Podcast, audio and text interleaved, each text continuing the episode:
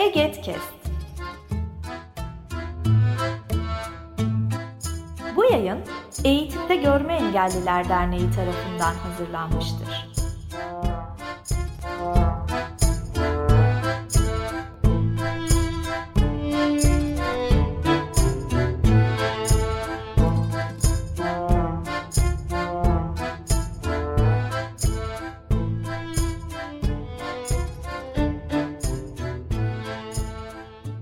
Herkese merhaba.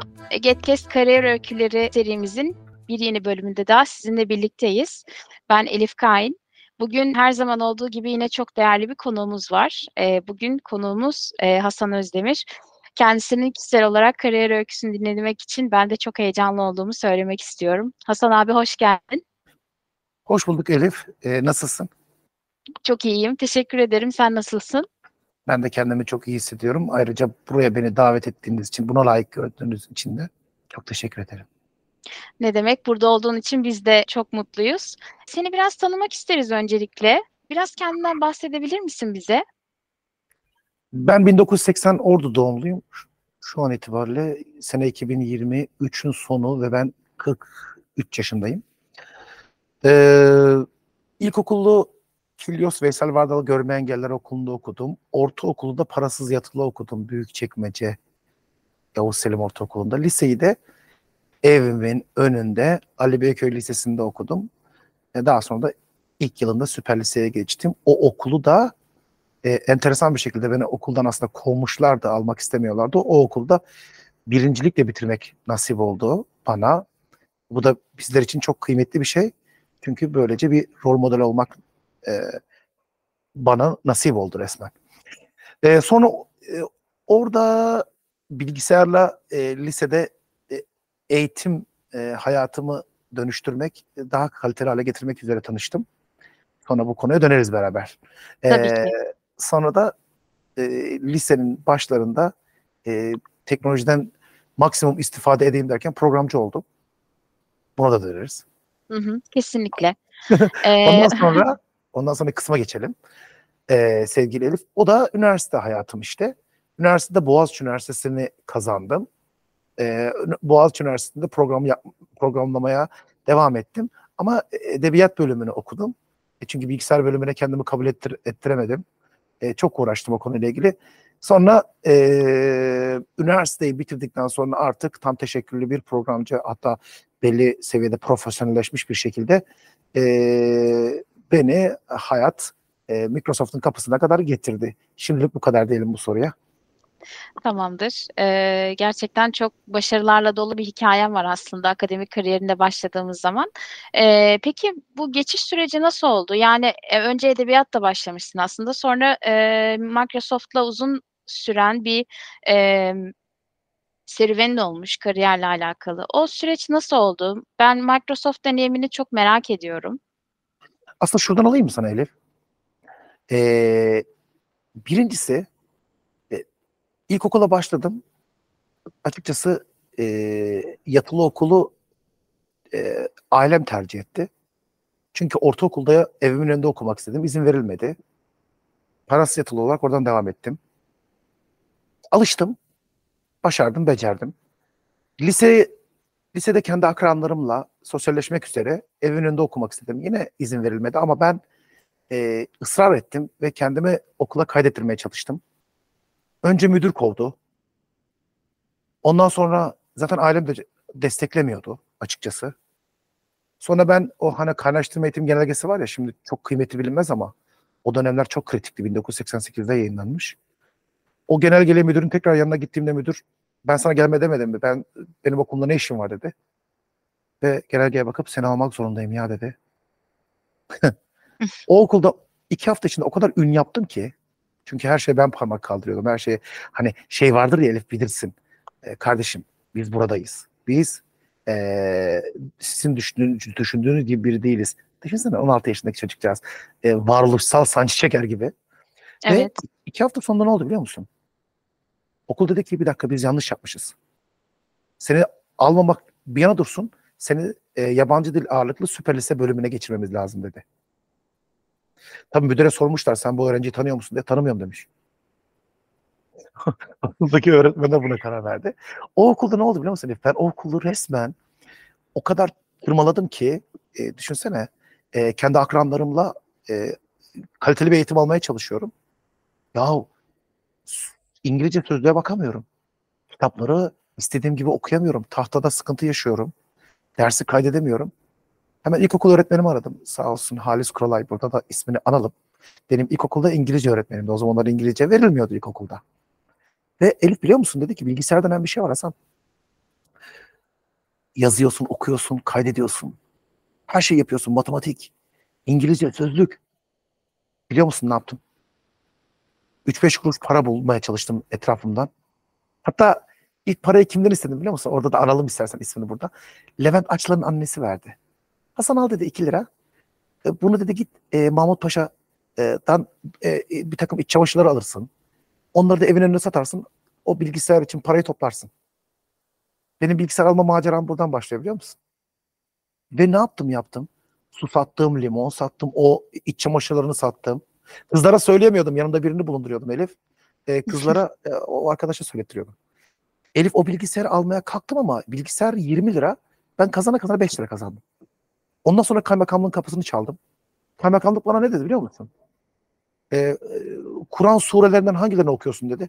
Ben dedim hocam e, bildiklerimi şimdi okuyayım, bilemediklerimi de ezberleyeyim geleyim falan. Ama bilgisayar hocam ya. Dedi ki e, kaymakam benden de 10 lira verin bu arkadaşa dedi. Hatırlıyor musun şey var ya şimdi de var değil mi bu e, yardımlaşma ve dayanışma, sosyal yardımlaşma dayanışma sandığı. Ee, Biraz. sanırım var. Var var. Oradan Hı hı. biraz itele kakala itele. Yine param yetmedi. Ben de ne yaptım biliyor musun? Bit pazarına gittim. Bit pazarından kilo işi hard disk, RAM, CPU, buna benzer malzemeler, I.O. kartı, e, işte şey, board aldım. Düşünebiliyor musun? Onları bu işi azıcık buçuk bilen arkadaşım ben e, döke saça çarpa çarpa geldik topladık bilgisayar çalıştı. İlk ekran okuyucumu kurduğumda konuştu ya. İnanılmaz bir şey bu. Benim bilgisayarımdan da ses çıktı düşünebiliyor musun?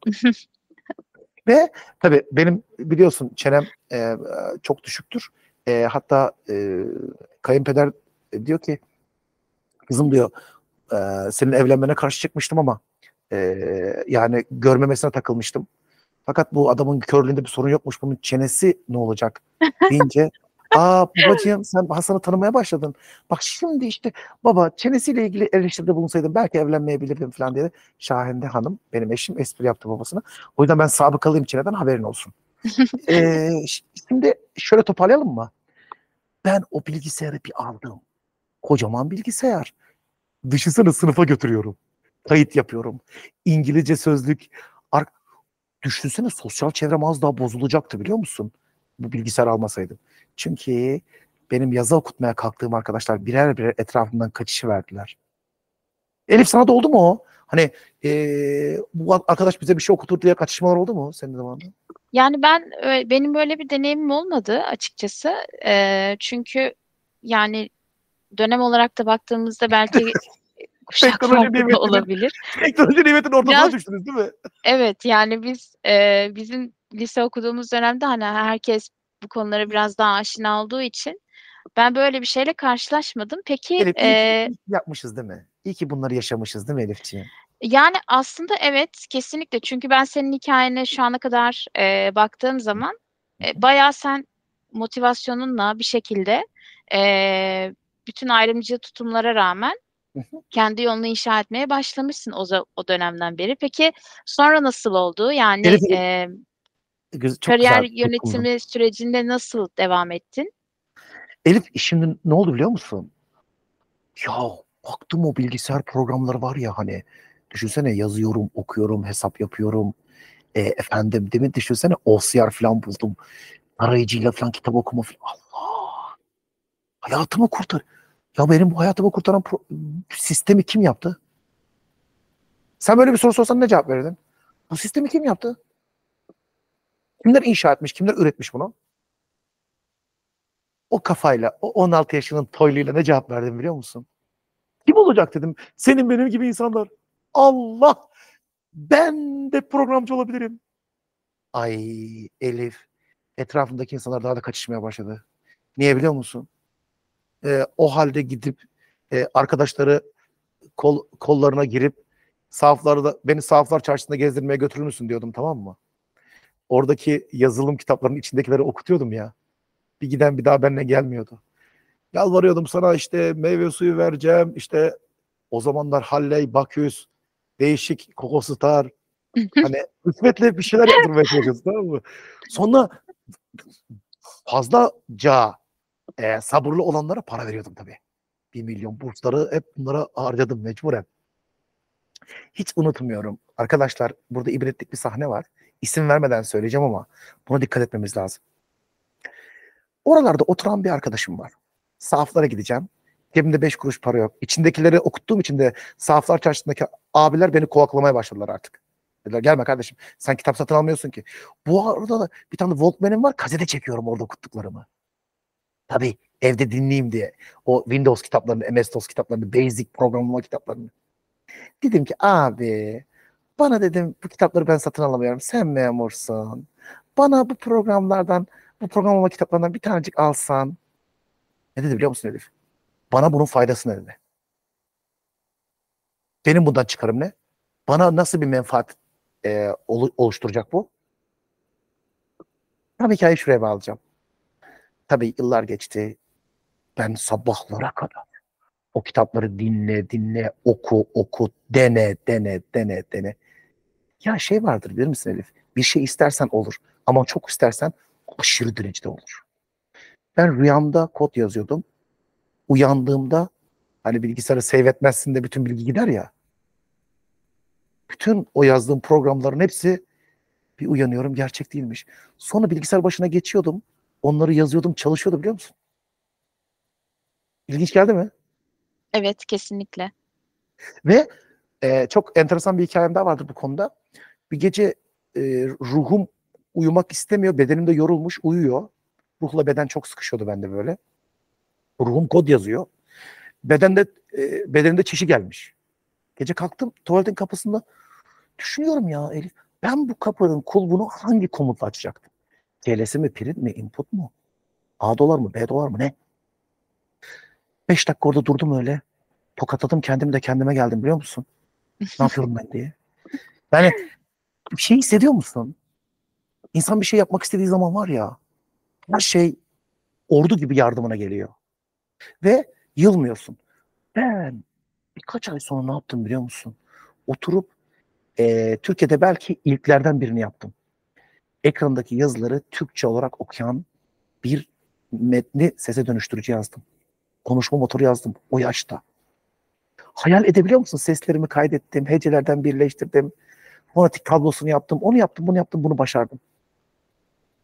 Ve bu arada resmen kendime gelir oluşturmaya başlamış oldum. Bu arada bilgisayar tamirini de öğrendim. Bu sefer format falan at, atıp o biraz önce hani e, kitabı okutmak için vermiş olduğum paraların hepsini geri aldım. Biliyor musun? Ve Tabii artık kendi girişimin var. Yani bir Kimle şekilde o yola da girdin kendi tutkunla. Hadi bakalım kimle karşılaştım yolda? Elif. Hani hatırlıyor musun? Sahaf açarsında çırpınıyordum da bunun bana ne faydası olacak Ya evet. Evet. Canım spiker programını yazmışsın. Bana kaça olur? Allah dedim şimdi sana bir espri yapacağım. İnşallah anlarsın dedim. Herkese 150 dolar da sana 5000 dolar dedim. Bunu niye böyle söyledim biliyor musun dedim. Hani şey vardır ya Elif. Bir zamanlar fakir ama gururlu bir Evet. Yani o zaman daha çünkü aslında sen e, bir şeyi çok istekle yapmak istiyorsun. Keşke ilk zaman görseymişsin o desteği. Ya Burada Elif de bir mesaj vermiş oldu benle beraber. Değil mi Elif? Arkadaşlar birbirimizin önünü açmaya çalışalım. Neyin nasıl fayda vereceğini hiç bilemeyiz. Şimdi Elif'in sorusunu cevaplarken yine çeneme yenildim. O yüzden hızlandırıyorum. Elif o programları da yazdım. Daha sonra durmadım Elif. Ee, klavyenin altı tane tuşuyla bütün klavyeyi kullanabileceğimiz Braille klavye yazdım. Normal bir yazıyı kabartma printer'dan çıktısını almayı sağlayan Braille çevirmeni. Türkiye'de böyle bir programı ilk yazan benim. Düşünebiliyor musun? Bunların hepsi lise, hala lisedeyim. Kütüphane yönetim asistanı yazdım. Ve beni yetiştiren Kerim ve Selim Altınok abilerimden aldıklarımı geri vermek için onların 30 saat boyunca Windows anlattıkları sesleri alıp sesli Windows eğitim seti yaptım. Ondan bu arkadaşlara da CD'ye e, kitleyip para kazanmalarını da sağladım. Böylece aslında Kerim abileri, Selim abileri bize vermiş oldukları eğitiminde aslında bir anlamda parasını ödemiş olduk. İlginç değil mi? Ee, yani evet, e, onların verdiği eğitimle senin yaptıkların aslında çok iyi bir e, yere götürmüş senin yapmak istediğin şeyleri ve eğitimle desteklendiğimizde ne kadar ilerleyebiliyoruz? Yani birileri köstek olmayıp destek olduğunda aslında ne kadar ilham oluyorlar bizim kariyer yönetim sürecimizde değil mi? Tam da bu anlamda çok romantik bir şey söyleyeceğim. Örnek olması açısından olur mu? Hani e, tam egetlik bir şey söylemek istiyorum. Tabii ki. Ee, benim bilgisayarım yokken hatırlıyor musun? Hani çırpınıyordum ya bilgisayar almak için. Evet. Rahmetli Eyüp Ensar yazıcı dedi ki bilgisayarın olmasına gerek yok. Benim evime gel. Bilgisayarımın başına otur. Sen, ben söyleyeyim sen yap. Bak her şeyi öğreneceksin. Ben bilgisayar alana kadar bilgisayarda birçok şey yapmayı biliyordum biliyor musun Eyüp abi sayesinde. Kerim Selim Altınok satranç e, turnuvasında karşılaşmıştım onlarla. Senin kafandan Hasan enerji fışkırıyor. E, ağzın, beynin, beyninin, ağzın beynine yetişemiyor. Hızlı konuşma sebebim bu. Sen çok heyecanlısın. Sana bizim yatır, yatırım yapmamız lazım. Ne istiyorsan sor hepsini anlatalım dediler. Sorularım bitmedi. Telefonda devam ettik. PTT'yi zengin ettik. O dönemler telefonu. Ee, inanır mısın? O- 12 saat telefonla konuşuyorduk Kerim abiyle. Hasan tuvaletimi yapayım, geri geleyim. Ee, kaldığımız yerden devam edelim diyordu. Yemeden içmeden. Düşünsene Hasan Özdemir'i yetiştirmeye çalışıyor adam. Yıllar geçti. Tabii o bana programlamayı da e, öğretmek üzere kolları sıvadı. Önce bilgisayarı bütün ayrıntılarını gösterdi. Ondan sonra yıllar geçti. Ben onun artık şeydim. O bir şey yaptırmak istiyordu. Ben onu kodlayıp ona teslim ediyordum. Satranç notasyonlarından tutun da işte bilmem karne basım programı falan filan böyle değişik değişik işler yapıyorduk, yap, yapıyorduk karşılıklı. Ne oldu biliyor musunuz? Yıllar sonra İstanbul Engeller Merkezi İSEM e, bana teklifle geldi. Yazılım kursu açar mısın diye. Ben de tabii ki dedim ne demek? İlk yazılım kursumu 2000'li yılların başında açayım dedim. Kimler var biliyor musunuz sınıfta? Elif kim olabilir? Elif. İlk masada Eyüp Ensar yazıcı. İkinci Kerim Altınok. Üçüncü Selim Altınok. Sen burada nasıl ders anlatabileceksin? Anlatabilir miydin? Ya evet. Çok Duygulan, ilginç bir his. Ee, Kerim abi ben şimdi e, işte e, Object Pascal'da şimdi ben nesneyle programlamada efendim metotları anlatacağım ama tabii siz daha iyi bilirsiniz. Diyorlar Hasan biz bir şey bilmiyoruz. Boynuz kulağı, el- boynuz kulağı 50 kere geçti. Artık öğretmen sensin. Demeyin Kerim abi ben çok zorlanıyorum. Hasan zorlanma. Artık sen öğretmensin. Biz senin öğrenciniz. Abi ama gurur yok. Gurur da mı yapmayacaksınız? Yok gurur yok Hasan. Biz şu an büyük asıl gururu seninle gurur duyarak yapıyoruz Hasan. Ben bunu yaşadım. İnşallah Kerim abiler bunu dinlerler. E, ve Kerim abinin nezdinde bütün insanlık e, Türkiye'deki eğitimdeki yani eğitimde görme engeller ileri gelenleri dinler. Ve bu inanılmaz bir duruş. İnşallah bundan ben de büyük bir ders alırım. Kesinlikle Almaya çalış, çünkü almaya e. Evet yani kesinlikle yani bilgiyi paylaşmak, öğrendiklerimizi paylaşmak aslında ne kadar yön veriyor gerçekten. Senin anlattığın e, tüm bu e, anekdotlar da buna işaret ediyor. Peki Microsoft'ta nasıl ilerledin? Oradaki kariyer süreci nasıl gelişti? Am, Elif eee, bu üniversitede devam ediyordum ya. Üniversitede de şöyle ben ilk ilk üniversite sınavına girdiğimde hiçbiri kazanamadım. Benim e, kodlama hatası yapmışlar arkadaşlar. Eee, ben de ek kontenjandan taş atıp da elim yorulacak değil diye tekrar başvurdum. Çünkü okulda da birinci olmuştum ya. Hani o zamanlarda şey vardı. Okulda birinci olanlarla ilgili bir kontenjan vardı. Üniversiteye edebiyat bölümünden girdim. Çünkü şeyi de ikna edemedim. Sayısal bölümden girmeme izin vermediler üniversite sınavına. Ee, üniversiteye gittikten sonra dedim ki Hasan madem öyle dil dil konusunda kendini geliştir. İngilizceyi iyice öğren. Eline geçen bütün teknolojik kaynakların hepsini birinci elden okuyacak hale gel dedim. Yani Türk Dili ve Edebiyatı okurken ki motivasyonum buydu. Çünkü ben Türk Dili Edebiyatı'nı İngilizce olarak okudum. Okulda Çok okumaya devam ilginç. ederken enteresan değil mi? Evet. Hatta bir esprisini yapalım mı? Mesela e, Tanzimat dönemi dersi şöyleydi. Şinasi published Tasvir Efkar in 1863. The first gazete was also Ceride Havadis falan böyle bir. İlginçmiş gerçekten. Mecbur öyle oluyordu. Hoca düşünsene eski Türkçe anlatıyor. Ey beglerin bodunum işit ben tapkaçka iline kılıntım. Hoca Alman. Derste İngilizce. İlginç değil mi? Çok beyin yakıcı bir şey olmuş bence. Beyin tabii ki. Kesinlikle evet. Devam edelim şimdi. Arkadaşlar ben e, bir yandan yazılım üretmeye, teknoloji üretmeye devam ediyordum. Bir yandan da okulu bitirmeye çalışıyordum. Ben hala rüyalarımda okulu bitiremiyorum. Çünkü şeyle sıkıştım. E, okulu bitirmeyle e, teknoloji öğrenme arasında sıkışıp kaldım. Benim okulum o yüzden 8 yıl sürdü. 8 yılda okulun sadece ön lisans bölümünü yani 2 yıllık bölümünü bitirebildim. Ama o süre zarfı içerisinde hayatımın en güzel dönemlerini yaşadım. Çok eğlendim, çok öğrendim, çok uyguladım. İngilizce de ilerledi, teknoloji de ilerledi. Harika da bir üniversite hayatım oldu. Çift dikiş, çift dikiş. Şimdi arkama baktığımda zerre kadar pişmanlık duymuyorum. Biraz da şey okulu bıra- bırakmaya çalışma sebebim neydi biliyor musunuz? Bill Gates'e öykünüyordum. Hani hukuk okuyormuş da e, teknolojiye merak sarınca okulu bırakmış ya. E, bir yandan da okulu da bırakamıyorum. Okul, okulu bırakınca e, yani iş bulamam ya da bir baltaya sap olamam hissi de geliyor. Bu, bu his var ya böyle Elif. Evet. E, Türkiye'de maalesef böyle bir his de var. Ama e, ne okulu bıraktım ne de okulu bırakmadım. 8 yılda 2 yıl okuyarak her ikisini yapmış oluyor muyum Elif?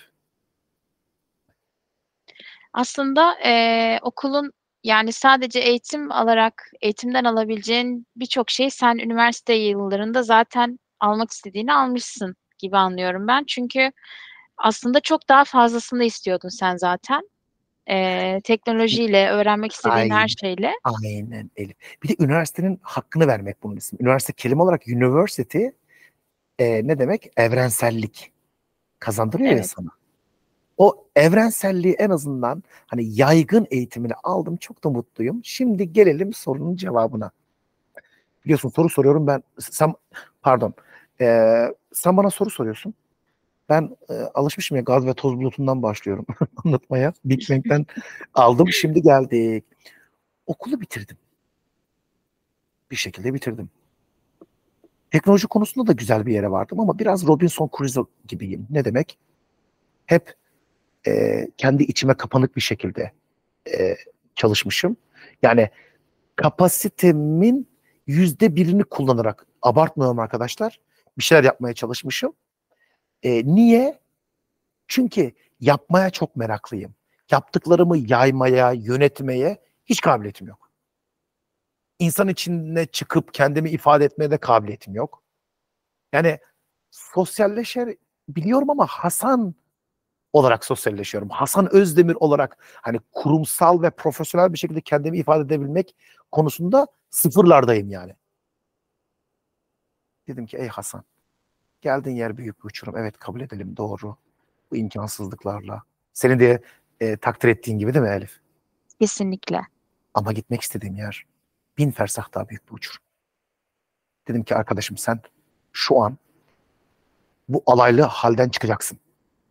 Gittim piyasadaki bütün modern programlama dillerinin eğitimlerini veren kurslara tek tek yazıldım. Bildiğim ya, bildiğimi iddia ettiğim, hatta uygulama yazdığım, değil mi? Dillerin hepsini baştan aşağı tekrar çift dikiş bir şekilde kurslarını alıp kitabi ve e, teknik aynı zamanda e, pratik olarak tekrar öğrenip uyguladım. C, C++, C Sharp, Pascal, Delphi, PHP, Python, ne varsa. .NET. Halbuki ben bunlarla e, proje yapmamış mıydım? Satmamış mıydım? Olsun. Dedim ben aynı zamanda mektepte de olacağım. Bu konunun imkansızlıkları yeneceğim. Allah razı olsunlar. CV Sistem Programcılar Derneği Hasan dediler. Senin heyecanını çok beğendik. Biz sana burs mahiyetinde 5 kuruş para istemiyoruz. Hangi kursumuzu istiyorsan hepsini bedava al. Sonra ee, dedim ki bir dakika. Ben bu konuda bir network oluşturmam lazım. Ah, insan ağı oluşturmam lazım. Meşhur bir şey vardır İngilizce'de. Ya networking ya not working. İyiymiş. Beğendin mi? Şimdi Elif Çok iyi kullanırım ben bunu. kullan kullan. ben tuttum etrafımda kim varsa şey vardır ya bilir misin? Yedi adımda Obama'ya ulaşma rehberi vardı. O zamanlar Obama'ydı. Düşünsene. Sen mesela bir tane kalem müdürünü tanırsın. O bir tane bürokratı tanır. O başbakanı tanır. O cumhurbaşkanını tanır. Değil mi? Cumhurbaşkanı gider e, milletler arası birini tanır. O da Obama'yı tanır. Bak yedi adımda vardın Obama'ya. Evet. Network böyle bir şey işte. Böyle bir şey. Şimdi arkadaşlar ben de o zamanlar işte non-governmental organization yani STK'ları aradım. Mesela işte YGA vardı o zamanlar. E, bayağı kör liderler yetiştireceğiz falan böyle. Hani böyle tabiri caizse biraz be, kulağa beylik gelen ifadelerle yürüyorlardı. Mesela işte körlere görenlere birlikte e, kayak yaptıracağız. İşte siz söyleyin. E, kürek çektireceğiz. Lyons'lara gittim, Rotary'lere gittim, YGA'ya gittim, oraya gittim. Buraya. Açılıyorum yani. Elif artık kabuğumdan çıkmaya çalışıyorum. Evet. Onlar dediler bir dakika Hasan. Senin geldiğin yerin adresi ne biliyor musun? Neresi dedim ya. Microsoft dediler. Hemen elinden tuttular ortak fikir. Benimle tanışanın ortak fikri. Hemen Microsoft'ta tanıştırılman lazım senin. Genel müdür beni gördü. Ben dedi bu Hasan'ın tepesindeki ışığı görüyorum. Evet dedi değişik bir adam. Çok konuşuyor. Dağınıklıkları var. Ee, kendine göre birinci basamaktan öğrenmiş, beşinci basamaktan öğrenmiş, onuncu basamaktan öğrenmiş. Pekiştirilmesi gereken, geliştirilmesi gereken çok yeri var. Tamam biz geliştiririz bu adamı dediler. Bu arada bir, bir serzenişimi daha söyleyeceğim burada sevgili Elif. Bu sürece gelene kadar etrafımda beni sevdiğini iddia ettiğim, öyle zannettiğim, kamu kuruluşundan, özel sektörden, bizim kendi içimizden görme engelli olanlardan onlarca insanla görüştüm. Hiçbiri ama hiçbiri bana sahip çıkmak istemedi. Biliyor musun? Bunun ismi neymiş biliyor musun sevgili Elif? Black Man sendrommuş. Yıllar sonra öğrendim. Yani sen zenci sendromu. Zencinin zenciye yaptığını beyaz zenciye yapmazmış. Kadının kadına yaptığı zulmü erkek kadına yapmazmış. Körün köre yaptığı nankörlüğü engellemeyi gören görmeyene yapmazmış. Biliyor musun? Çıka çıka bana yurt dışı menşeli Microsoft sahip çıktı. Bu bir yandan çok sevindirici bir haber ama bir yandan da üzücü tabii ki. Bir sevindirici yerinden devam edelim mi? Tabii ki. Yani çünkü e, sahip sahip olmayı hayal ettiğin kişilerden destek göremiyorsun ama e, senin yapmak istediklerinle e, Microsoft'un vizyonun örtüşmesi sonucunda aslında e, senin de kariyerine ciddi bir yön verilmiş oluyor. Çünkü sen de belki e, hiç aklına gelmezdi Microsoft'un sana böyle bir dönüş yapacağı ama bir şekilde yollarınız kesişti o veya bu şekilde ama sen yapmak istediğin her şeyi karşı tarafa gösterebiliyordun bir şekilde. Onlar bunu anlayabiliyorlardı. E, bu gelişim alanları bence çok değerli kariyer kariyerimize yön verdiğimiz e, bu süreçlerde. Elif, evet tabii ki Elif, devam edebiliriz. Elif, çok ilginç bir yerden alacağım olayı. Benim Microsoft'a girme maksadım e, ebediyen Microsoft ya da bu tarz kurumsal firmalarda kariyer elde etmek değildi. Ben 19-20 yaşımda bir tane baraka halinde bir tane dükkan açmıştım kendime. Yaptığım uygulamaları, Braille çevirmenimi, spikerimi, Braille klavyemi, kütüphane yönetim asistanımı, basın programlarını falan satıyordum. Hep hayalim şeydi. Yani daha doğrusu şöyle bir e, varsayım vardı kafamda. Ben taş e, ben ırmak olup çağlarsam, taş olup baş yararsam testisini doldurmaya gelen çok olur. Ben bir değer üretirsem bunu hemen görürler, çağlarım diye düşünüyordum. Tamamen yanlışmış sevgili Elif. Ben buradayım diye çığlık atmak lazımmış. Ben bu çığlığı atmam gerektiğini bilemedim. Bu barakayı kurdum. Bu sistemi yani uygulamaları yapıp satmaya başladım. Arkadaşlarım arasında duyurmaya başladım. Ve biliyor musun? COSGAP'in kapısını çaldım. Devlet erkanlarının kapısını çaldım. Bana denen neydi biliyor musun? Bankadan 50 bin liralık teminat mektubu getirirsen ya da bizi ikna edecek tanıdıkların varsa o zaman hibe programına alınabilirsin. Yani senin etin butun ne? Bu halde niye geldin? Yani ben her hibe programı duyduğumda bana bir gülme geliyor biliyor musun? İnşallah bu dönemlerdeki hibe programları çok daha gerçekçi, çok daha hedefe yönelik, çok daha dezavantajlı fakat potansiyel sahibi olan insanları hedefleyen cinsendir. Bunu çok istiyorum. İşte o zaman o dönemlerde anladım ki bir dakika Hasan. Bir takım atasözlerini iyi anlamam lazım diye düşündüm. Sayabilir miyim bu atasözlerini? Başlayalım mı? Bir, kel kör, kendi işini kendin gör. İki, tırnağın varsa başını kaşı. Anlatabiliyor muyum? Yani demek değer bu? katmak istiyorsan bunu çok da ertelemeden ve etrafında da doğru insanlar varsa onlarla birlikte yapmak. Eee, çok da zamanı geçirmeden yapmak. Bunlar kesinlikle çok önemli. Çünkü etrafımızda çevremiz ne kadar iyi olursa eee, yaratmak istediğimiz değerin sonuçlarına o kadar hızlı ulaşıyoruz bahsettiğin anlıyorum senin ikinci aşama. söylediklerinden. Hayır, bu bahsettiğin ikinci aşaması sevgili. Hı hı. İlk aşama o değil. Elinde bir değer varsa bu değeri bende böyle bir değer var deyip önce yazmalısın. 4Y diyorum ben buna. Elindeki değeri projelendirmelisin. Ya, birinciye yazmak. Değil mi? Projeye çevirmek. İkincisi o yazdığın ve projelendirdiğin değeri üretmek, yapmak. Somut bir şekilde ortaya koymak. Doğru mu?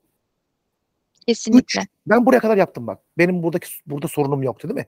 Mesela spiker diye bir sistem yazacağım, yapacağım diye ben bunu projelendirmişim, yazmışım değil mi? Sonra o spikeri hayata geçirmişim değil mi? Yani ekrandaki yazıları Türkçe olarak okuyan sistemi yapmışım. Üçüncü Y'de hatam var benim. Yaymak. Ben Türkiye ayağa kaldırmam lazımdı. Ben böyle bir e, metni sese dönüştürücü yazdım diye. Ve yaptım çalışıyor. Şu anda da sattım. İnsanlar bundan istifade ediyor diye. Yaymalıydım. Yani iyi şeylerin PR'ı da çok olmalıydı. Biz iyi şeylerimizin PR'ını çok yapmalıyız ki e, gerçekten işe yaramayan şeylerin PR'ı çok fazla yapılmasın. Ortaya iyi şeyler koyacağım diye yaz, güzel projelendir. Ondan sonra o iyi şeyi yap, ikinci aşama. Ondan sonra o yaptığın iyi şeyi de alabildiğine yay. Bu da üçüncü aşama. Peki dördüncü aşama neydi? Yönetmek. Sürdürülebilir bir şekilde o verdiğin hizmeti vermeye, kaliteli bir şekilde vermeye ebediyen devam edecektin. Benim gücüm bittiği için ben versiyonu çıkaramamaya başladım. Elif, özet. Dedim ki Hasan, amatörsün. Cebinde paran da yok. Gideceksin. Microsoft gibi bir teknoloji devinde pişeceksin.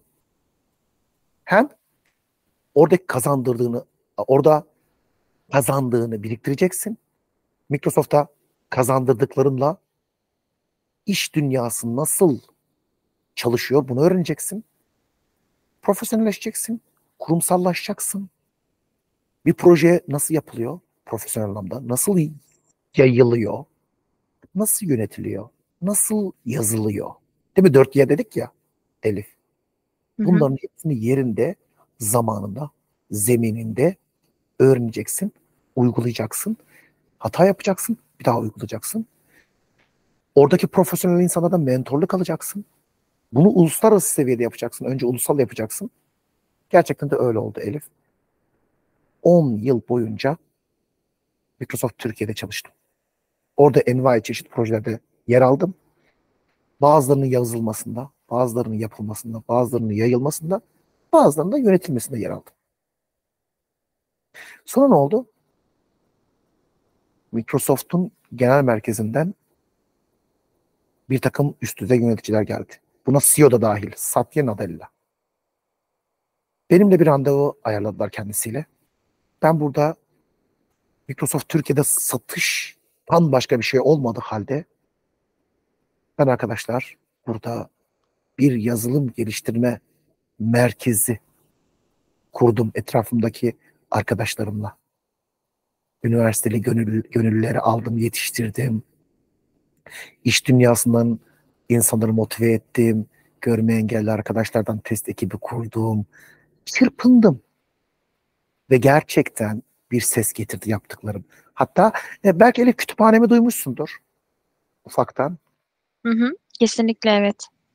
E, tamam evet bütün becerili, becerikliliğimizle ve beceriksizliğimizle birlikte bir ses getirmeyi başardık. Ve ne oldu? CEO dedi ki hadi Hasan bura bizim ürünleri sattığımız yer. Yaptığımız yer Amerika'da. Koluma girdiler beni Amerika'ya götürdüler. Ama benim hayalimi hatırlıyor musun? Benim hayalim neydi Microsoft'a girerken? Aslında Kendi aynen öyle Elif. aynen öyle. Kendi hayalini kurduğum projeleri üretebileceğimiz Oradan Mac bir şey dedi bana ya. Sus!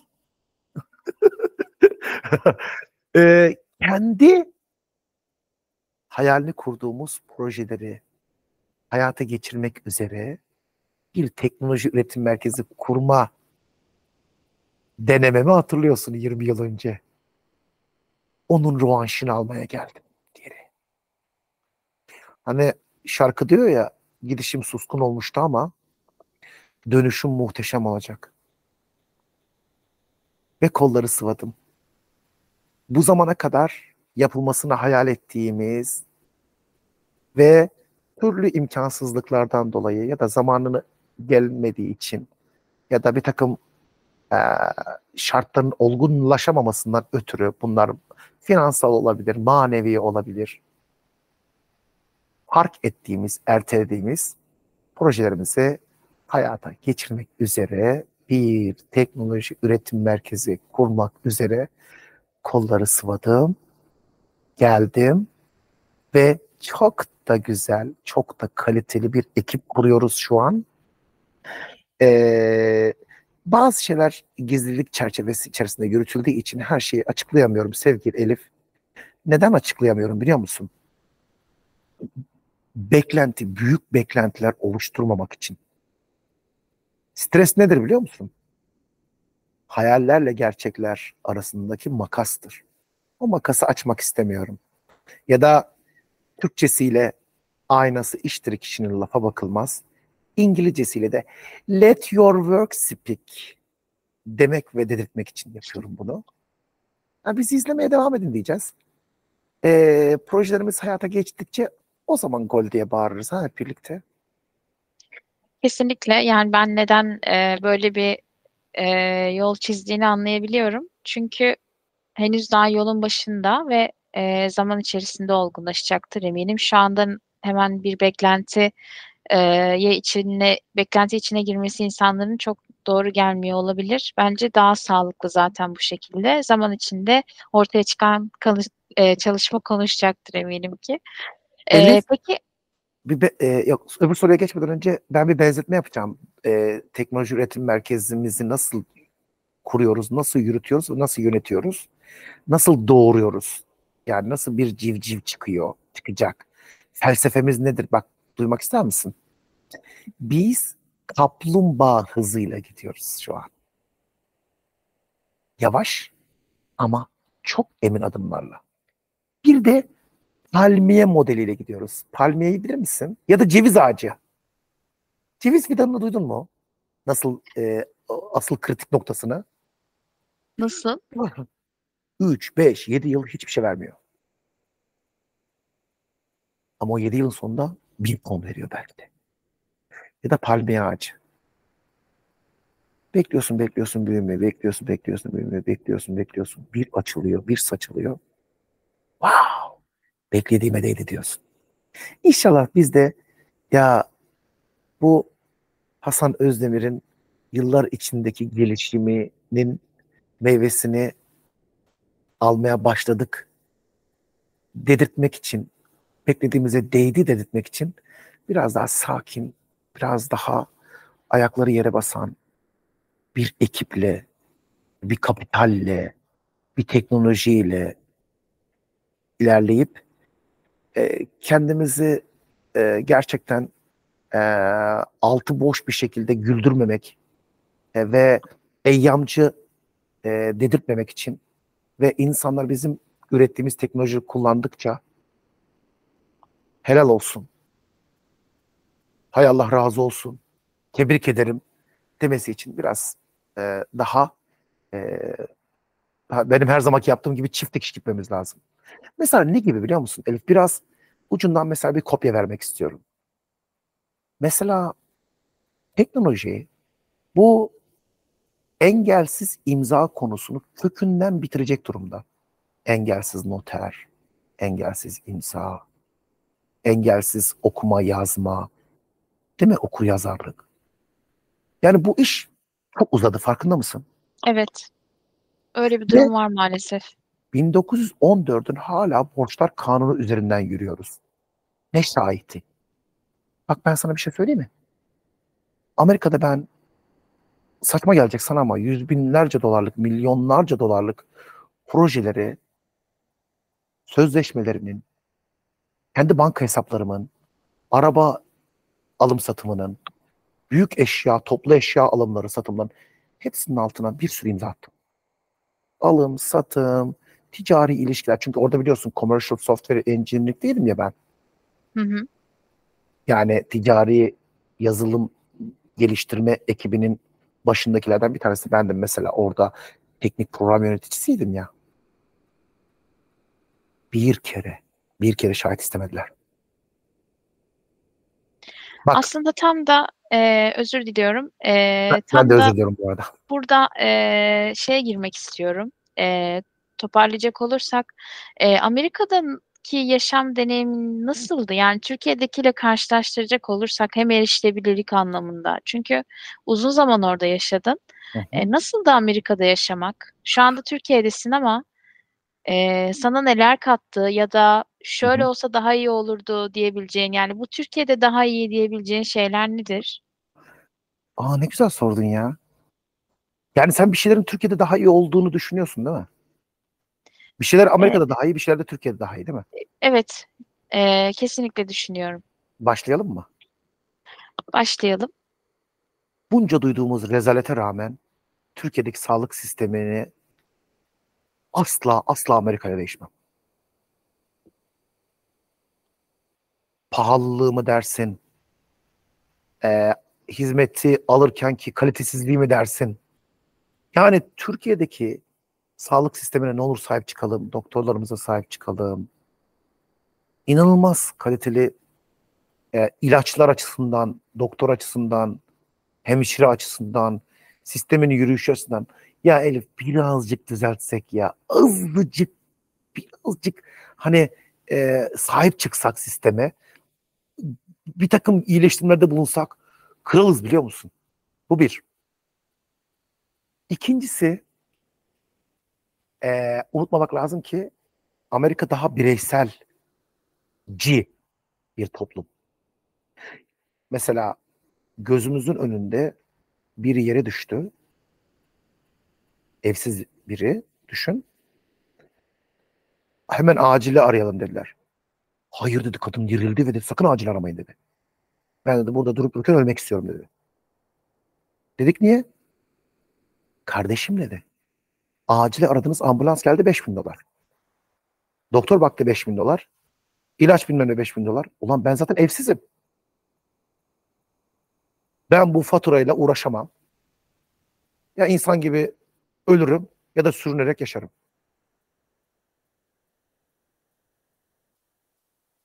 Ve bir şey daha söyleyeceğim. Benim benim asistanım Elif.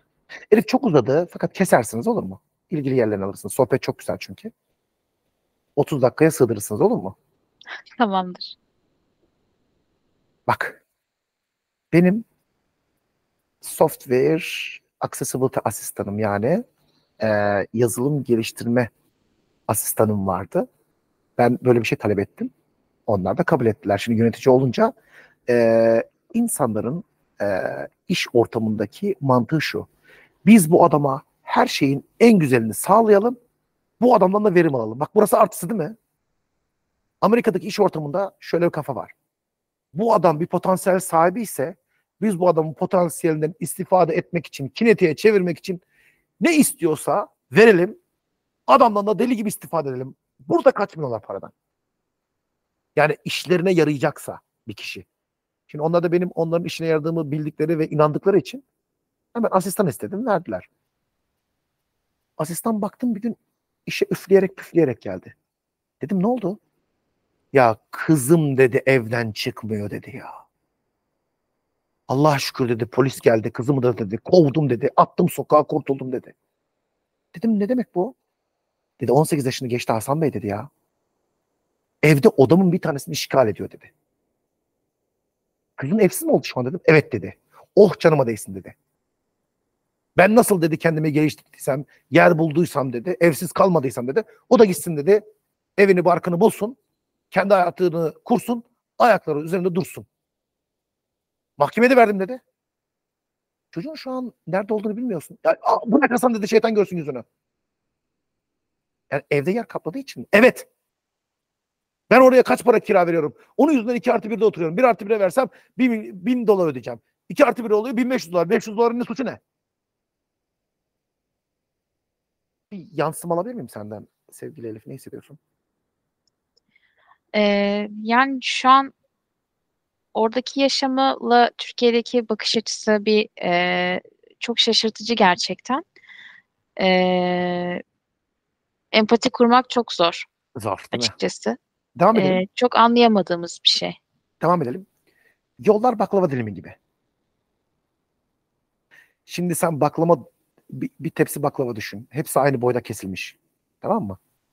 Parmağını koysan ben ikinci sıradaki üçüncü baklavayı götür parmağını desem götürebilir misin? Götürürsün değil mi? Evet. Aynen orada yolunu, izine, yolda giderken caddeler, sokaklar inanılmaz derecede muntazam bir şekilde ayrılmış. Aynen satranç tahtası gibi. Aynen sana bahsettiğim baklava tepsisi gibi. Çatır çatır buluyorsun. O yüzden bu hani navigasyon sistemleri falan var ya Amerika'da çok temiz çalışıyor. Yani şey gibi düşün mesela bir Rize örneği vardır çok meşhurdur biliyorsun değil mi? Bu sarı çizgiler yapılmış Rize'ye. Belediyenin emriyle engellerin gönlünü almak için. Sarı çizgi nerede bitiyor biliyor musun? Elif. Ağaçta falan mı? Nerede? Duvar, duvarda bitiyor. Bom diye duvara vuruyorsun. Aa. Amerika'da ise sarı çizgi yok. Yok. Yani yollar o kadar muntazam yapılmıştır ki ve sarı Gerek çizgiye dahi ihtiyaç duyulmamıştır. Demek ki Hatta sarı- herkes rahat erişebiliyor. Sarı çizgiyi yapmak da çok desteklenmiyor. Çünkü o zaman körlerin oryantum kabiliyetini azalttığı düşünülüyor. Sarı çizgi yok. Ee, ama ne vardı biliyor musun? Bizim Microsoft'un binasının önünde, benim iş yerimin binasının önünde çok tatlı bir şey var. Yere küçük küçük metaller koymuşlar sevgili Elif. Hı hı. Her birinin boyutları da farklı farklı. Yolu da bozmuyor. Yani şekli de bozmuyor. Sen bastonla yolda gidiyorsun ya. Böyle yapıyor yol. Ding dang dong, ding dang dong, ding dang dong. Her baston oradaki yerdeki metallere dokundukça. Çok tatlış değil mi? Evet. Çok ilginç ve çok güzel. Benim şimdi Nihal dinlerse Nihal Erkan da geldi. Ee, ofisime getirdim onu ilkokul arkadaşım benim. Nihal'in ismini duydunuz mu? Nihal de Amerika'da yaşıyor. Ben duymadım maalesef. O da geldi. Benim orada şimdi evimde bu arada tabii evler çok iyi. Bu arada onu da söyleyeyim. Evler şato gibi. Benim ev aynen benim piknik alanı gibi tamam mı? Aa, gece yarısı evin arkasına ne geliyor biliyor musun? Korkudan öldük biz. Eve kaçtık eşimle orada piknik yaparken. Evin bahçesine rakun geldi. Rakun da bir şey hayvan ki böyle e, yüzsüz. Kedi gibi bir şey ama kaçmıyor. Ayı gibi de ayağa kalkabiliyor. Ve yırtıcı. Kemirgen. Yani doğal hayatın içindesin. Kediler, fareler, sincaplar yolda geziliyor. Bu arada devam edeyim. Ee, şey söyleyeyim mi? Restoranlarda mesela. Evet. Restoranlarda çok rahatsın. Ee, çünkü restoranlarda bu arada hizmet almak ve vermek çok kıymetli Amerika'da. Ve çok pahalı bu arada. Hizmet çok değerli. Servis çok değerli. Sen bir restorana geldin. Seninle mutlaka birileri ilgileniyor. Çünkü çok iyi paralar alınıyor. Ay mesela bir tane sana söyleyeyim. Evin camını sildirmem lazımdı. 5 dakikalığına geldi. Camların hepsini özel bir aletle sildi gitti. 400 dolarımı aldı. Hala evlat acısı gibi o benim için. Eğitimde Çokmuş. eğitim sigortası diye bir şey var mesela. Ailelere veriliyor. Düşünsene çocuğun yok. Çocuğum koleje giderse eğitim parasını karşılayayım diye bir sigortam var. Yani sigorta derken hani bu BES gibi düşün. Kolej sigortası gibi. Hı hı. Ee, bir şey daha var. Ee, hard kapital var. Yani ne demek bu? Bir maaşını ya da iki maaşını alamazsan Amerika'da bordroda e, iki- birkaç ba- maaş bordronu alamadın bir şey oldu. Ee, hemen sefil bir hayata geri dönüyorsun. Eğer bir birikimin yoksa. O yüzden Amerika'da birikim yapmak çok kritik. İnsanlar maaşının yüzde yirmisini mutlaka birikime yatırır. Onların mutlaka bir disaster recovery'leri vardır. Bir e, felaket senaryoları var. E, kurtuluşları vardır. E, ilginç e, e, Elif e, belki eğitime dair sormak istediğim bir şey olabilir yani e, kıyaslamak adına. E, Sen hangi eyalette yaşıyordun? ben Washington eyaletinin Seattle e, şehrinin Redmond ilçesinde yaşıyordum gibi Hı hı. diyebiliriz. Bu Redmond'un da önemli bir kısmı Microsoft'a ait zaten. Microsoft deyince hani senin kafanda ne canlanıyor sevgili Elif? Ee, yani Oradaki konumu yani orada nasıl ne kadar geniş bir yerdir Microsoft? yani çok azımsanmayacak genişliktedir diye düşünüyorum. Böyle absürt düşün mesela. Ne gibi biliyor musun? Sen nerede oturuyorsun şu an? Ee, ben Beyoğlu'nda oturuyorum. Tam Beyoğlu'nu düşün. Beyoğlu'nun komple Microsoft olduğunu düşün. Hı hı. En az 600 tane binası var. 600 adet binası var. Ve binalar da enine ve boyuna inanılmaz büyük. Yani korkunç. Orada Microsoft şehri var yani. Bu arada Microsoft orada, orada olduğu için başkaca şirketler de bir araya toplanmış durumda. Yavaş yavaş toplanıyorlardı. Mesela Amazon gibi, Facebook gibi, bizim bildiğimiz bilmediğimiz işte Redfin gibi, Zillow gibi de farklı farklı firmalar da oradaydı. E, burası arkadaşlar e, Amerika'nın en kuzeybatısı. E, ama Silikon Vadisi dediğimiz yer ise e, neresi oluyor? Kaliforniya civarları oluyor. Yani orta batısı diyelim. Biraz oldu bu orta batısı ne demek? Aynen bizim Ege gibi düşünelim yani. E, şeyde İstanbul gibi düşünelim. E, Seattle'ın bulunduğu yerde. Peki İstanbul'un üstünde Karadeniz'e denk gelen yerde ne var? Orada da tabii ki Kanada var. E, eğitim konusuna tekrar söylüyorum. Para arkadaşlar geçerli akçe Amerika'da. Sağlık için de geçerli akçe para. Eğitim için de konforlu bir yaşam için de para. Şimdi burada Türkiye'de paranız olmazsa yaşayabilir misiniz? Sevgili Elif. Ee, yani yaşam standartların Çok düşük olur. çok düşük olur ama bir şekilde Yaşarsın. yaşarsın. Ordu'ya mesela gittiğimde ot yiyerek yaşıyorum mesela. Çok da güzel otlarımız var. Amerika'da her şey, çoğu şey para üstüne kurulduğu için paran olmadığı zaman, para kaynağın olmadığı zaman çok büyük sıkıntıya giriyor. Bunu burada söylemiş olayım. Eğitimin de aksıyor. Hayat kalitenin dramatik bir şekilde düşüyor. O yüzden eee şöyle demeye çalışıyorum.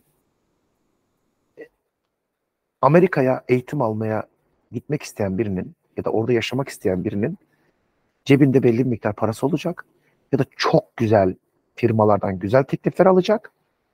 Öyle gidecek. Ya da zamanla o parayı biriktirmeye çalışacak. Amerika'ya ilk gidenler para elde etmek için hangi işi yapıyorlar biliyor musun Elif? Default. Amerika mesleği. Gittin paran yok. En rahat iş alıp hızlıca para kazanmaya çalıştığın meslek ne? Söyleyeyim mi? Uber Tahminim var ama ben söylemek istemiyorum. Uber, Uber, Uber şoför. Uber. Senden duyalım. Evet. Duydun mu? Uber şoförlüğü. Evet. Ee, ve her türlü servis işleri. Ne demek? Garsonluk. Ee, Aa bu arada berberlikten bahsedebilir miyim? Hı hı. Ben Amerika'da bulunduğum 3-4 yıl boyunca hiç erkek berbere rastlamadım. Hep kadınlar beni tıraş etti. Bu ilginç bir bilgi mi? Evet bence. Bence de. Ee, şöyle kapatalım istersen. Şu şekilde bir şeyler anlatayım size. Microsoft Amerika'dayken ticari yazılım geliştirme departmanında olduğum için benim ekip her 3 ayda bir dünyanın en şanslı 500 şirketiyle çalışıyordu. Yani bu durumda ben Disney gibi, efendim Starbucks gibi, Universal gibi, belki duymadığınız Kroger gibi, birçok e, çok çaplı Target gibi büyük firmalarla çalıştım. Onlara hakikaten inovatif, yenilikçi çözümler ürettik. Mesela bir tanesini en son çalıştığım projeyi söyleyeyim. Starbucks'la birlikte gerçekleştirdiğimiz proje sayesinde Microsoft Starbucks işbirliğiyle verdiğiniz kahve siparişlerini baristanın ekranına yazacak hale getirdik. Evet Elif, biz bu sistemi yapınca hangi engel grubuna deli gibi istihdam sağlamış olduk? Bunu da sen cevapla. Ee, görme engelleri tabii ki. Olur mu? Görme engeller barista, barista işini yani kahve yapma işini görme engellerden daha iyi yapabilecek bir engel grubu söyle bakayım. Zor mu oldu be? Yani şöyle ben sipariş verme e, kısmı ile ilgili söylemiştim aslında O hani zaman orada. o zaman düzeltelim mi? Elif der ki görme engellerin sipariş verme işi kolaylaştı. Elif ben doğru mu anlıyorum? Evet. Hı hı. Ben onu söylemek Eli- istemiştim. Harikasın Elif. Peki Elif eee, arka tarafta kahveyi hazırlayan kişi gelen kahve siparişini duymak zorunda değil. Görebildiğine göre Evet. kimi İşitme edebilecek? engeller için Aynen öyle. İşitme engellileri körler sağırlar birbirini ağırlamış oldu. Ben bir görme engelli olarak böyle bir projeyi, böyle bir endüstriyel bir mühendislik projesinin kodlanmasına destek olmuş oldum. Proje kimin istihdamını sağladı? İşitme engellilerin. Evet, harika. Gerçekten çok güzel, çok başarılı bir proje. Ee, peki son olarak e, bu alanda ilerlemek isteyen gençlere ne tür tavsiyeler verirsin? Toparlayacak olursak. Önce kendime bir tavsiyem var. Sizleri yalnız bırakmamalıyım. Teknoloji okur yazarlığı eğitim almak isteyenlerin elinden tutmalıyız. Yazılım, donanım, internet, teknoloji, bilişim, makine öğrenmesi, yapay zeka ve buna benzer asrın mesleklerini edinmek için yeni nesli yetiştirmek üzere kol, kollarımızı sonuna kadar sıvamalıyız. Ben bu anlamda Ege'nin duruşunu çok özel, orijinal ve kaliteli buluyorum. Kendim de Eget'le bu anlamda bir vizyon birliği içerisindeyim. Eğitimde feda edilecek bir tane bile nefer yok. Atatürk'ün dediği gibi. Haliyle gençlerimiz aynen bizim bu hissettiklerimizi hissetsinler. Elif'le ben çok güzel bir şey dedik biraz önce. Biz bu sıkıntıları çekmiştik, sizler için çektik. Hem kendimiz için çektik, hem sizler için çektik. Elif ne güzel rahat ettin değil mi? Evet, kesinlikle. Elif, senin rahat etmen için ben bizler okuldan kovulduk. Ben üniversiteye gireyim diye başka benden önceki abilerim Turan İçliler falan var ya. Onlar da onlar da bir takım yerlerden kovulmuşlar. Bir bayrak yarışı. Bizler bir şeylerin önünü açtık. Sizler rahat ettiniz. Ama başka rahatsızlıklar var. Onları da, onları da siz görüyorsunuz şu an. Sizler o rahatsızlıkları giderdikçe bu sefer sizden sonrakilerin önü açılmış oluyor. Kerim abi benim önümü açmıştı. Ben sizin önünüzü açmaya çalışıyorum. Sizler de belki de bu engelsiz matematik, engelsiz noter, engelsiz engelsiz ne hayali var? Söyle bakayım Elif. Ee, yani şu an aslında senin söylediğin imza e, konusu gerçekten büyük problem. Çünkü ne kadar yasal bir hak da olsa e, noterler bunu çok zorluyorlar. Bunun kalıcı olarak çözümlenmesi gerçekten çok önemli diye düşünüyorum. Aynen Benim öyle. aklıma gelen örneklerden bir tanesi bu. O zaman birlikte söyleyelim mi? Burada haykıralım mı seninle beraber? Arkadaşlar engelsiz noter ve engelsiz imza konusuna teknoloji geldiği bu aşamayla tamamen cevap veriyor ve çözüyor. Bunu birlikte çözmeliyiz. Ben de bununla ilgili her türlü proje danışmanlığı yapmaya hazırım. Eğitimde eğitimde engellerin aşılmasıyla ilgili her türlü proje projede elimden geldiği kadar, dilimin döndüğü kadar, beynimin yettiği kadar eee, danışılmasına hazırım. Eee, bu konuda herhangi bir e, bilirkişiye ihtiyaç olduğunda benim kapasitemin yettiğince ben destek vermek isterim. Engellerin engelli engelsiz fark etmez. Herkesin teknolojiye erişmesi, herkesin teknoloji okuryazarı olması, herkesin yazılım dünyasına girmek isteyenlerin, değil mi? Girmesi için. Genci, yaşlısı fark etmez. Teknoloji girişimcisi olmak isteyenlerin elinden tutmak adına gücümün yettiğince destek olmak isterim. Benim gibi düşünenlerin olduğunu düşünüyorum. Ne olursunuz bir şeyler yapmak isteyen insanlara potansiyellerini keşfetmek ve onlara ne bileyim maddi manevi destek olmak ve hibe vermek için insanların bu analarının neydi kız o? Analarından emdiği sütü burnundan getirmeyelim. Çok Oldu haklısın. mu? İnanır mısın? Ben bunu yaşadım. Yazık o Hasan'a. Demiyorum. Yani o zamanlar o Hasan'a çok üzülüyordum. Çünkü destek göremediği için ne yapacağını şaşırmıştı. Ama benim önüme taş koyan herkese gerçekten çok teşekkür ediyorum. Onlar bilmeden beni güçlendirmiş oldular. Ama biz yine de gençlerimizin önüne, kardeşlerimizin önüne, e, eğitim görmek isteyen, teknoloji okur yazarı olmak isteyenlerin önüne taş koymasak, Hasan'ın çektiğini başkası çekmese olmaz mı? O Çok zaman güzel olur. şey desem olur mu Elif?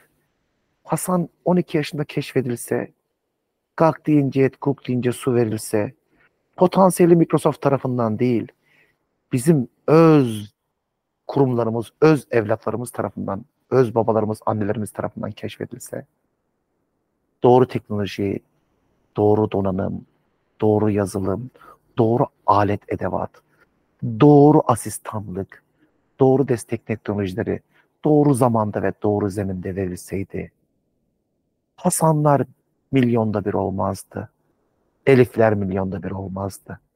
O zaman tam da sizler Eget olarak benim bu heyecanımı paylaşmışken, böyle bir vizyon birliği yapmışken hem kurum olarak biz elimizden geleni yapalım, hem bireysel olarak elimizden geleni yapalım, hem de lütfen bizi destekleyecek noktada bizi destekleyecek pozisyonda olan tüm kamu kurum ve kuruluşlarına, tüm özel sektöre, tüm insanlara hem bireysel hem kurumsal sesleniyorum.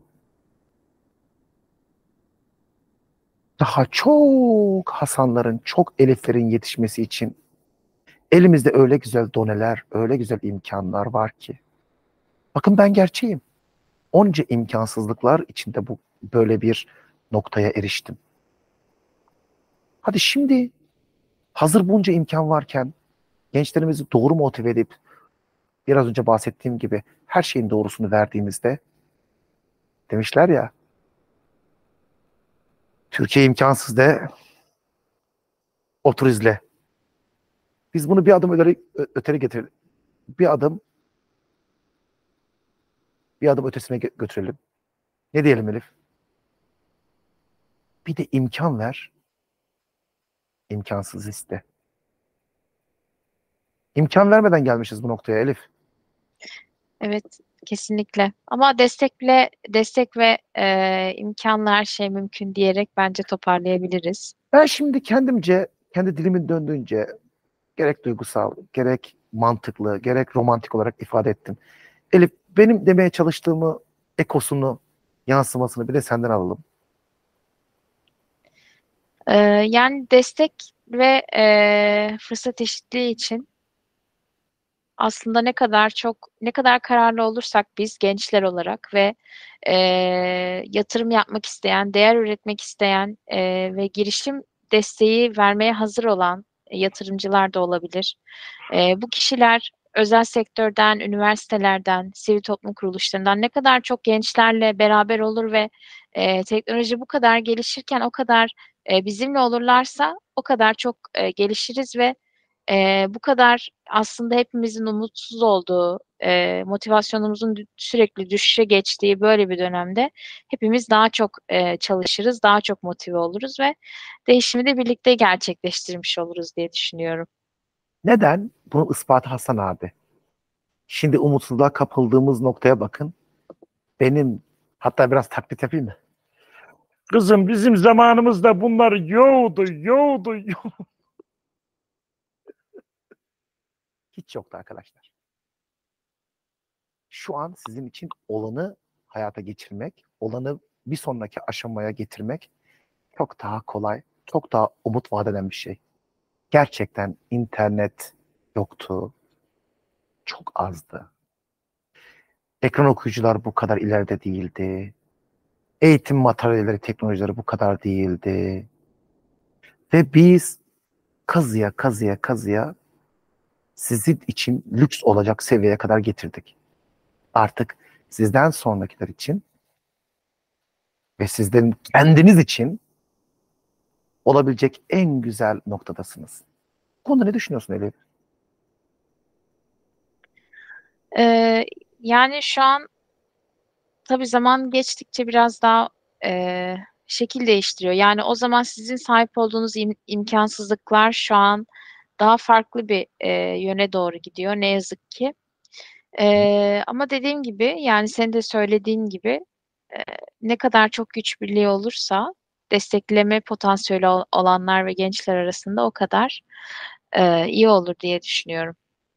Belki de ihtiyacımız olan şey arzu, tutku, istek, cesaret, sabır ve e, gücümüzün yettiğince yetenek, zeka, akıl dengesi. Çünkü Allah hepimize belli bir miktar vermiş. Bizim şeyimizi hissediyor musun Elif? Çok arzuluyduk. Çok arzuluyduk. Bir şeyleri başarmak için çok istekli, çok arzuluyduk. O yüzden elimizdeki minicik imkanı bile sonuna kadar sömürüyorduk biliyor musun?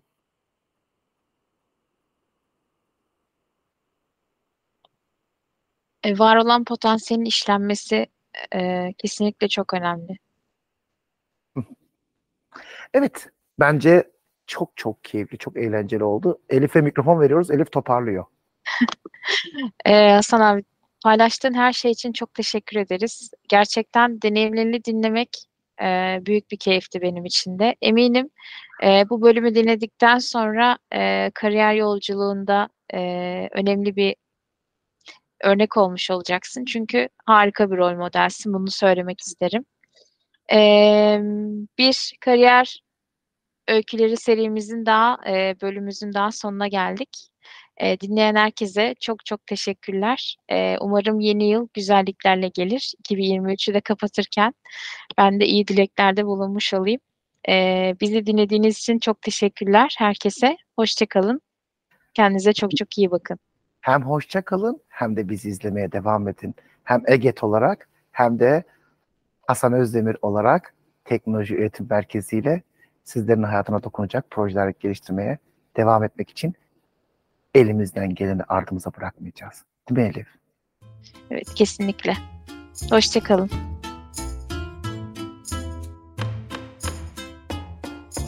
Bu yayın Eğitimde Görme Engelliler Derneği tarafından hazırlanmıştır. Web sitesi eget.org Mail bilgi.eget.org Facebook Eğitimde Görme Engelliler. Twitter et Eget İletisim Instagram Eğitimde Görme Engelliler